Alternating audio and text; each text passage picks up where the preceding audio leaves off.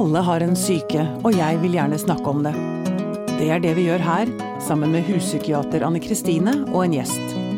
Dette er Pia om syke. Anne Kristine, er du noen gang blitt mobbet? Ja, det har jeg. Ja, da du var liten? Da jeg var liten. Mm. Jeg også ble det. Og jeg holdt på å si ikke sånn alvorlig, ikke sånn slått og sånn, men, men nok til at altså, Sånn at alle jentene løp når jeg kom. Mm. Eh, ikke sant? Ja. Nok til at det skapte dype sår. Mm. Um, og jeg tenker at noe av det verste med mobbing, det er at man Eller i hvert fall jeg husker det selv at eh, jeg forsto ikke hvorfor. Nei. Og så brukte jeg har brukt så mye tid på å prøve å forstå hva var det ved, vei, ved meg som Altså hva var det for noe skamfullt? Hva er det jeg ikke ser, som andre ser, som gjør at de må behandle meg sånn? Mm. Er det en Tok skylda. Tok skylda, ja. Ja. Ja, akkurat.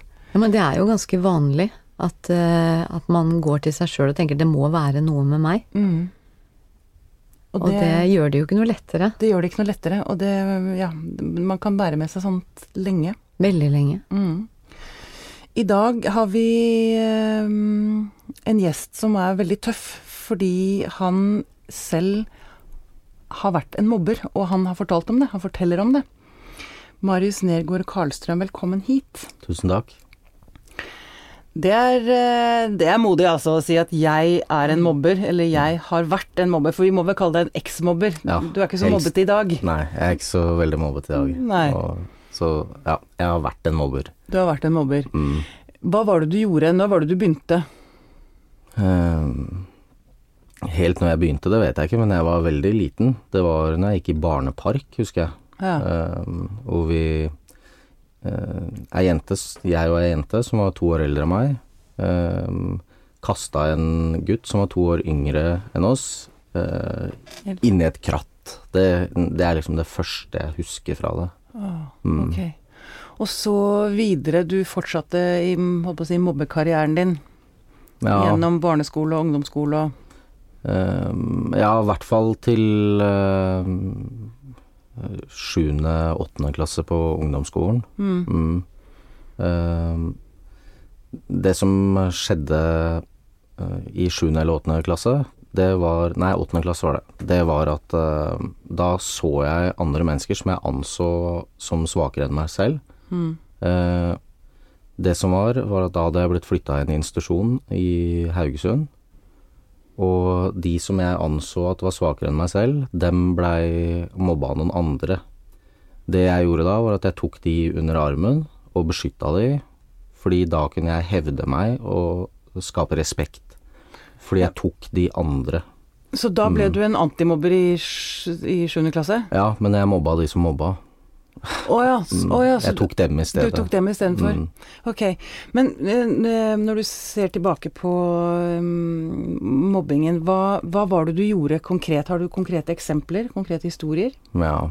Det er kanskje eh, vondt å snakke om, men eh, ja, det er ting jeg ikke er spesielt stolt av. mm. Uh, nei, jeg har helt lim i håret på folk, melk i sekken deres, stappa hodet deres i do og trukket ned, fanga veps og stikket dem med veps, Mm. Eh, ekskludert dem fra eh, Vært med. Det som er at jeg har aldri vært aleine når jeg har gjort det her. Vi har alltid Nei. vært flere. Mm. Så um, har ekskludert mennesker. Eh, sagt at de lukter vondt og ikke vil ha dem i nærheten av oss. Og eh, kanskje det som er det største overgrepet er kanskje all den, eh, den avvisninga som vi har drevet med Ja. over lang, lang tid. Mm. Ikke svart når de har spurt om ting, ikke sett på dem, snudd ryggen til. Mm. Um, og grunnen til at jeg kan si noe om det, er fordi jeg har opplevd det sjøl, Ja. å bli avvist. Mm. Ja. ja, fordi um Jeg holdt på å si man, man blir ikke mobber uten grunn, tenker jeg. Eller i hvert fall du hadde en Altså du har en ganske sterk historie. Altså din barndom var ikke av de enkleste. Nei. Jeg hørte du sa nå nettopp at du var inne i barnevernet allerede før du ble født. Ja. Det var jeg. Mm. Kan ikke du fortelle historien din? Moren min var og er fortsatt rusmisbruker. Hun har uh, hatt et alvorlig problem med rusmidler siden hun var 13 år selv. Mm. Eh, hun har bodd i barnehjem. Um, og ja, begynte tidlig å ruse seg. Um, og møtte faren min. Um, når jeg ble født, så Hun hadde rusa seg ganske mye under svangerskapet også. Mm. Um, og det første leveåret mitt så var jeg hjemme alene i helgene mens hun var ute på fest. Hvor jeg sto i Eller sto og lå i sprinkelsenga mi. Um, ja. For meg, altså. Uh, ja. Uh, så politiet har brutt seg inn og levert meg på barneavdelinga, og når festen var over, så henta han meg tilbake igjen. Og, og sånn var det et år. Og så ble jeg flytta på hemmelig adresse, hvor jeg bodde et halvt år. For det var fare for at hun skulle gjøre noe som ikke var bra. Mm. Um, og så ble jeg flytta videre i et fosterhjem. Mm. Uh, hvor jeg opplevde ganske mange forskjellige former for overgrep. Uh, blant annet uh, så ble jeg lagt veldig mye i gulvet og holdt nede i fra fem minutter til to timer. Og, mens noen satt på meg. Um, og der var mye av det samme. Um, jeg følte meg aldri likt der, da. Eh, jeg bodde der fra jeg var ett og et halvt til jeg var tolv. Nei, til jeg var 14. Og så når jeg kom fra rommet mitt og sånn, så blei det ofte veldig stille når jeg kom. Og så skulle det være en del familiemøter og, og sånn hvor de eh, skulle fortelle hva jeg gjorde som bidro til å ødelegge familien. Så, og det gjorde at jeg fikk jo et enormt sinne. Um, Ja, jeg tenker at du kan jo ikke ha opplevd at du var veldig verdifull. Nei, det gjorde jeg ikke. Um, og så trodde jeg um, Jeg var helt overbevist om at alt det som skjedde i fosterfamilien og med moren min og sånn, jeg tro- var helt overbevist om at det var min feil. Mm. um, så for å Hvis jeg skal trekke det her inn mot mobbingen, da, så for å beskytte den delen av meg selv, den sårbarheten jeg gikk og bar på, så var det for meg helt naturlig å gjøre det med vold og den type forsvar, da. Jeg Ja. ser på det som forsvarsmekanismer, da. Eller rett og slett overlevelsesstrategier. Mm. Jeg, eh, når du forteller seg Jeg, jeg blir, blir virkelig helt på gråten. Det er altså så Det er så Det er så, det er så mm, grusomt. Og jeg forstår ikke hvordan det er mulig å, å overleve noe sånt nå, egentlig. Altså, Anne Kristine, når du sitter og hører det Marius forteller, hva er dine tanker? Hva er din reaksjon? Det er eh, rett og slett eh, helt Det er brutalt, det du har opplevd. Og det er, eh, som Pia sier, det er Altså, det er vondt, det er vondt å høre det, men det er vondt å vite at det er mange barn som har det sånn. Mm. Fremdeles i våre dager. Så selv om du nå er 34 år, så vet vi jo at det er barn som har det sånn. Mm. Og det er eh, forferdelig å tenke på. Og jeg har jo, som vi har snakka om her på podkasten tidligere, sant, kontakt med barn som har vokst opp med foreldre som misbruker rusmidler eller er alvorlig syke. Og det vet vi at det utgjør en risiko for plager hos barna. Og det har vi visst i mange, mange år. Så det er en sånn fortvilelse over at man ikke måtte gjør noe med det. For det, det vet vi. For det, det som du beskriver, sant, det er jo en eh, oppvekst hvor eh, risikofaktorene for å få det vondt og vanskelig bare ligger i en høy, høy stabel. Mm. Sånn at det er ikke noe overraskende i det at du måtte finne måter å overleve på. Altså selvfølgelig måtte du det. Ja, jeg skjønner jo at, at det utvikler seg, et, som du sier, et enormt raseri. Og, eh, men jeg vil også tro en fortvilelse. Mm. Eh, og det er kanskje Er det sånn at det er lettere for menn at, at det kommer ut i raseri, eller at, at, at man blir utagerende? Er, er det noen sånn mekanismer i det, i motsetning til jenter? At jenter reagerer annerledes på en sånn oppvekst? Ja, hvis vi skal si på gruppenivå. Altså det finnes Mm. alltid mennesker som Ja. er eh, Altså alle mennesker er jo unike.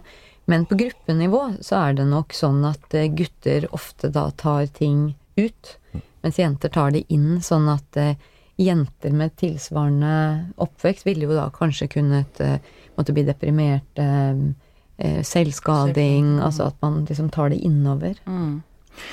Men Marius, etter hvert da, altså du bodde da i dette fosterhjemmet til du var 14. Hva skjedde så? Da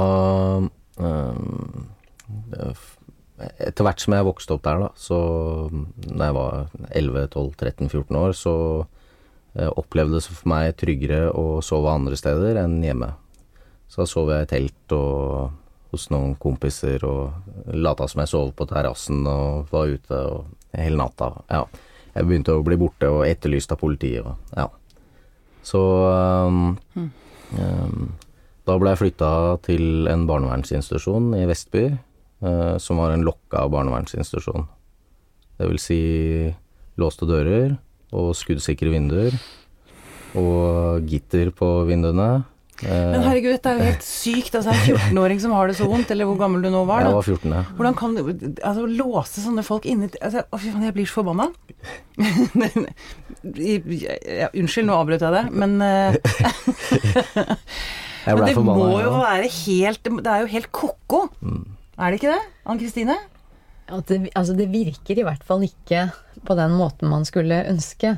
Fordi at er det noe man vet nå, eh, f.eks. når det gjelder eh, antimobbeprogrammer og sånne ting, så det man vet, det er at det hjelper ikke hvis man eh, behandler mobberne eller de som utagerer da på en fiendtlig måte og, og med utstøting og utestenging eller innelåsing. Altså man det er jo ingen som får lyst til å bli snillere og greiere av å bli innelåst eller utestengt eller behandla på den måten. Nei, hvordan, hvordan reagerte du, eller hva Når du ser tilbake på den tiden, hva tenker du? Nei, Marius? Øh, hvis, jeg, eh, hvis jeg går bare kjapt tilbake igjen til barneskolen, da, så der blei det ganske mange sanksjoner etter hvert. Det var eh, at jeg var låst inne i friminuttene, og vaktmesteren, han var mann, så da skulle jeg ikke bare legges i gulvet hjemme, men jeg skulle også gjøre en, På bli. Ja, på skolen òg. Mm. Og da var det han som kom og tok den jobben. Um, eh, og så fikk jeg jo Skulle jeg skrive på en sånn tavle 'Jeg skal ikke være slem' 300 ganger, og da ble jeg ganske sint, så da ba jeg noen dra til helvete og jævla hore og sånn, og da skulle jeg skrive 300 ganger til at jeg skal ikke kalle opp. Så det var liksom så, sånne eh, konsekvenser som ikke var mulig for meg å komme meg ut av, da. Det er jo straff du snakker om. Det er straff, Det er jo ikke sant. straff. Det er jo rett og slett straff. Det er jo ikke noe konstruktivt eller noe Nei, du får jo bare enda mer beskjed om Ja. at du er ubrukelig. Det er jo det, er jo det alle rundt deg sier, da. Ja. Om igjen og om igjen og om igjen. Om igjen. Ja. Ehm, Men også for Så begynte du å ruse deg ganske heftig. Eh, ja, fra jeg var ti år cirka, så uh, Jeg sniffa veldig mye de første åra. Fra jeg var ti til jeg var tolv, så sniffa jeg mye bensin og lightergass og lynol og tynner og, og sånn, jeg og noen kompiser. Um, um, og så uh, røyka jeg litt hasj og litt amfetamin og ja. Um, um, og det var også med på liksom den årsakspakka til at jeg ble flytta til Vestby, da. Ja, Um, nettopp. hvis vi, jeg må bare si det, når vi ser på det på, i Vestby um, Der var jeg låst inne, og alt var sånn som det var der. Det regimet som var der. Der møtte jeg en, et av de viktigste menneskene i mitt liv. Ja, få høre. Ja, han heter Freddy Bolle. Det er øh, Ja, han er broren til en som heter Trond André Bolle, som fikk krigskors av kongen etter at han døde i Afghanistan. Mm. Og øh, han Freddy, han møtte meg akkurat sånn som du sier. Ehm, med tillit, og han tok ikke det her personlig, og han uh, leita etter ressurser jeg hadde i stedet for uh, å leite etter feil og mangler jeg hadde. Og, Ja, hvordan, hvordan gjorde han det helt konkret? Har du konkrete eksempler på hva han, ja. hvordan han møtte deg? På en Eh, annen måte enn andre tidligere hadde møtt deg? Ja. Um, jeg kan ta kanskje det viktigste eksempelet da, som jeg har tatt med meg, og det har virka i mange år etterpå. Det er at jeg og han eh, eh, vi klarte å få en sånn relasjon. Han forsto det at når jeg lekeslåss eller uh, noe sånt, så var ikke det ondskap. Og han var også nysgjerrig på meg, for jeg klarte etter en uke å stikke av derfra. Et sted som man er låst inne. Og det, så han var litt fascinert av det, rett og slett. Å ja. Ja. Han så Ja, så her har vi en ressurssterk eh, Ja, det var det han så. som, Han eh, så de ressursene, at det er faktisk Ja, ja. veldig mye ressurser i det. Masse kreativitet og mm, Ja. pågangsmot og Eh, det vi gjorde, vi fikk, eh, vi fikk en sånn eh, en relasjon hvor vi kunne eh, Vi lagde en avtale, for å være helt konkret, med at vi skulle Den dagen jeg ble 18, så skulle vi møtes bak Rema i Vestby og gi hverandre juling. Ja. vi sk- Grisebanke hverandre. Det er en mannegreie som jeg ikke skjønner noe av, men Det var en annen måte å si 'jeg er glad i deg' på. ja. Mm, Det var, eller det var vår måte å si det på, da. For som 14-åring i den situasjonen jeg var, Mm. så uh, var jeg på mange måter ute av stand til å si at jeg var glad i noen. Jeg kjente det, og at jeg kunne Kjente jo alt av følelser og sånn, men det handla om å beskytte det. Ja, men det er nesten kanskje litt farlig å, å vise noen at man er glad i dem hvis man har blitt avvist så mye. Det er jo det noe av det farligste man kan gjøre, er det ikke det? Eller du har jo i hvert fall ingen grunn til å gi folk en sjanse. Altså Når du har blitt svikta så mange ganger fra du er liten, så er det noe med det at altså, hvor mange sjanser skal folk få? Mm.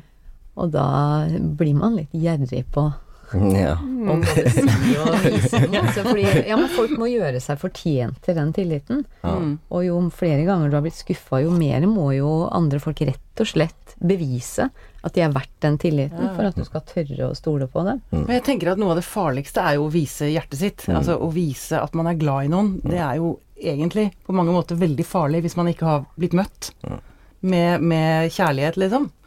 Så er jo det ja, veldig skummelt. Men jeg husker du, jeg leste et eller annet om at han velta deg ut av senga? Eller han velta senga di, eller han, det var sånne konkrete ting han også gjorde. ja, fordi um, for meg så veldig mye av det her var jo en lek, men på mange måter en veldig ekstrem form for lek. Mm. Uh, heldigvis så forsto han det. Så når jeg ikke sto opp om morgenen og lå der med et lurt smil og lurte på hva som skjer nå, så velta han madrassen ut, og sånn at jeg var med på det og kunne ta meg liksom under armen ut i snøhaugen og Ja, akkurat. Mm. ja, så vi, vi, han blei med på leken, da, i Ja. stedet for å rette pekefinger og skulle gi sanksjoner og Mm. Som eksempel når han forsto at jeg hadde smugla med lighter inn, som jeg hadde i koppen, den derre vannkoppen under vasken. Mm. Den vasken kunne jeg aldri bruke, for den var full av lightere.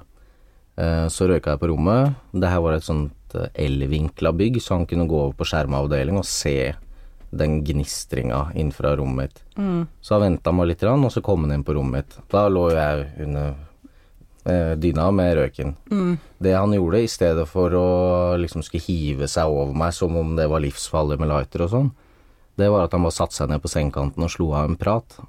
Den røyken, den må ut av den dyna etter hvert. Ja, hva gjorde du da, da? Nei, da kunne vi jo le av det, ikke sant. Ja, ok, greit, ikke sant. Jeg tar lighteren og ja. Det, det var en eh, veldig ålreit måte å, å bli møtt på, rett og slett. Ok, men så gikk det mm, Der fikk du et av de kanskje første ordentlig gode møtene med et, et, en autoritet, i hvert fall. Mm. Mm. Men det gikk allikevel en del år hvor du fortsatte å ruse deg. Ja, jeg blei flytta videre en institusjon til. Ja, okay. um, hvor egentlig mye av det forsvant igjen, det jeg hadde møtt med Freddy. Da ehm, Jeg kunne velge mellom to institusjoner. Ene, han ene jeg snakka med, han sa da at hvis du gjør noe gærent her, så er det rett til glattcella. Så da tenkte jeg da skal jeg i hvert fall ikke dit, fordi noe gærent kommer jeg sikkert til å gjøre. Mm. Um, um, og så ehm, var det et sted i Haugesund hvor det var eh, fokus på masse aktiviteter, og, og det var det der òg, for å si det mildt. Mm.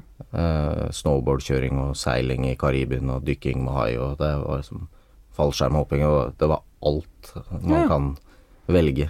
Men det må jo ha vært bra. det var veldig bra. Eh, derimot så var sanksjonene, hvis man gjorde noe galt, eh, ikke så bra. Um, det var isolasjon på en øy, en holme. Eh, det her har det blitt skrevet litt om tidligere.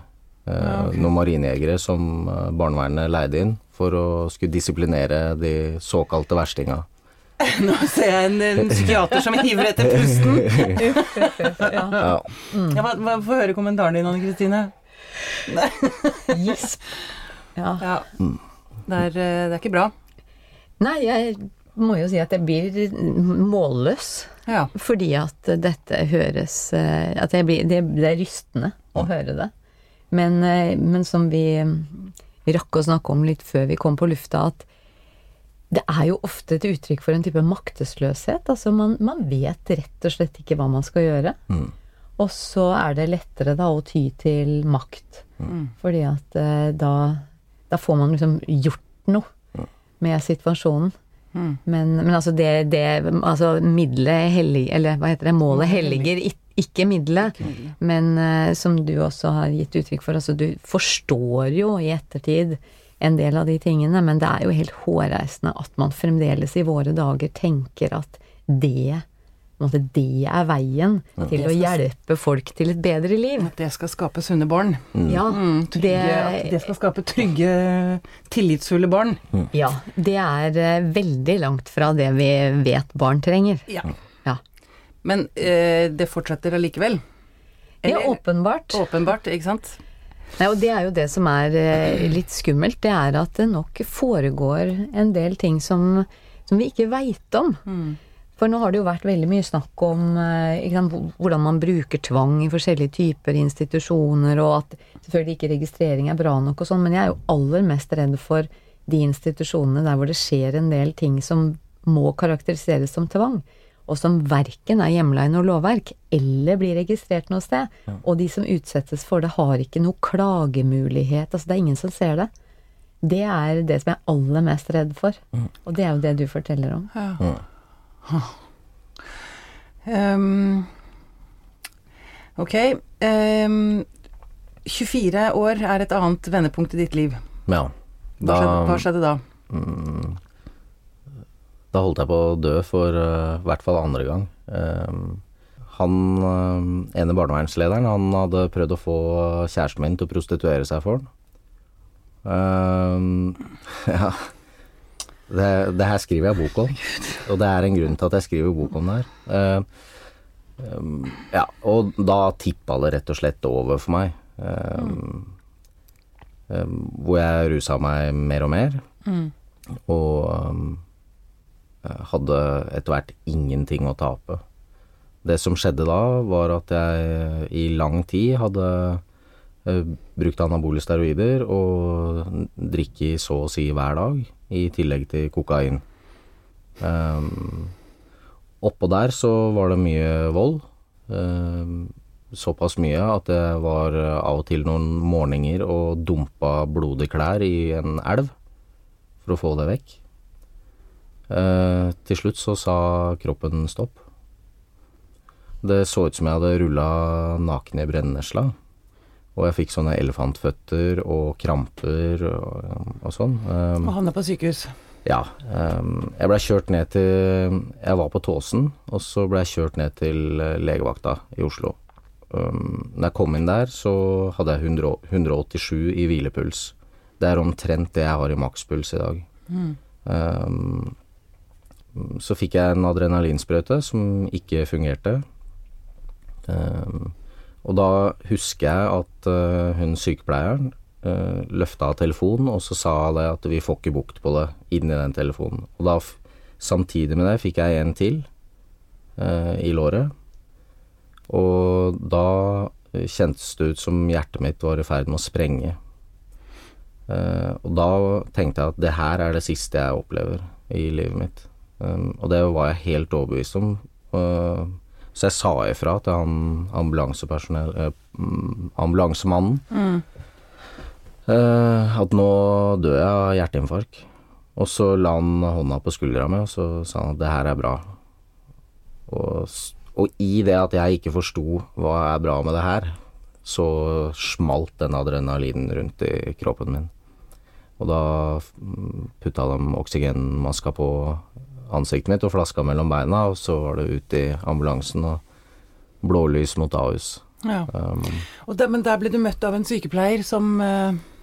som jeg prøver å få tak i, faktisk. ja. Ja, Da går vi ut med etterlysning nå. På mange måter, ja.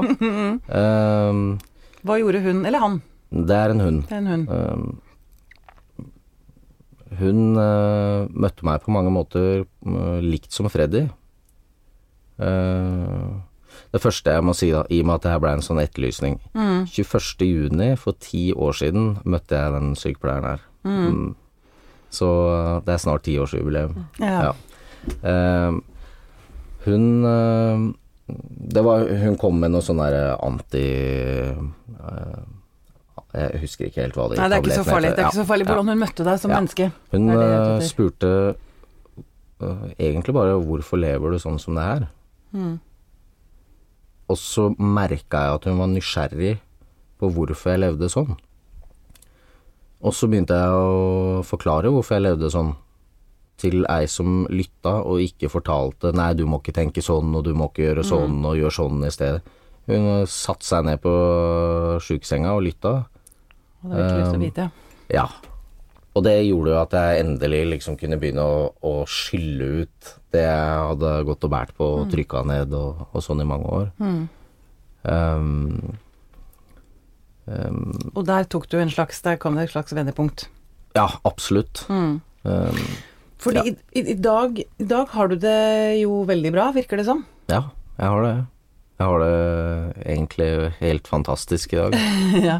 for, og for, du må på en eller annen måte ha klart å snu dette, altså, istedenfor å snu det mot deg selv, eller at, at du nå ser at du har verdi. Mm.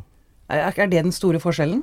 Mm, ja. Tenker du at, at du ikke Kanskje det viktigste som jeg husker eh, fra den, 20, den dagen jeg var 24 på sykehuset, det var liksom starten på noe jeg ikke ante hva innebar. Mm. For da bestemte jeg meg for at det er, liksom, det er nå eller aldri.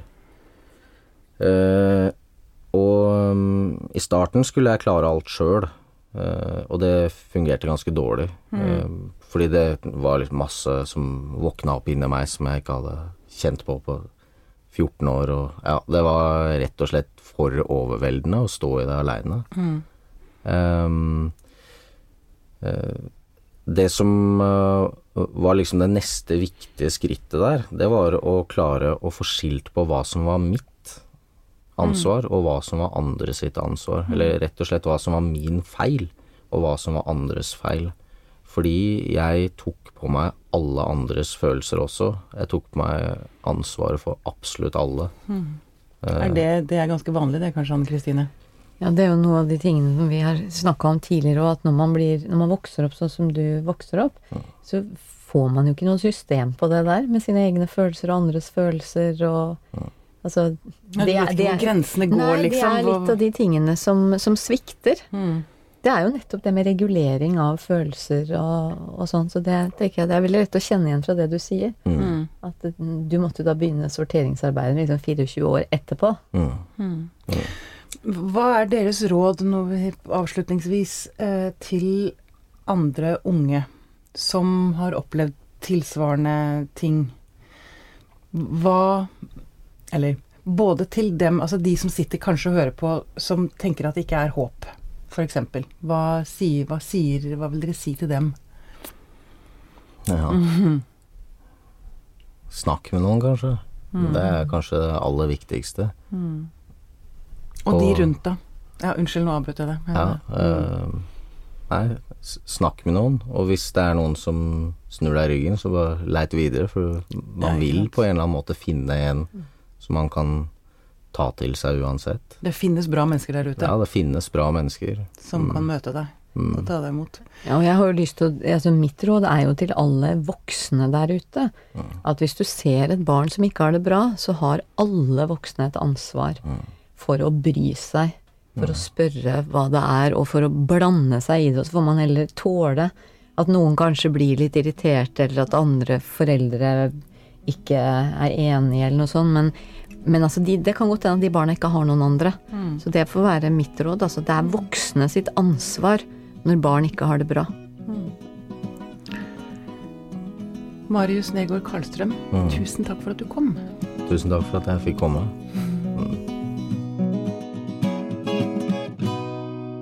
Denne podkasten er produsert av Tid og Lyst.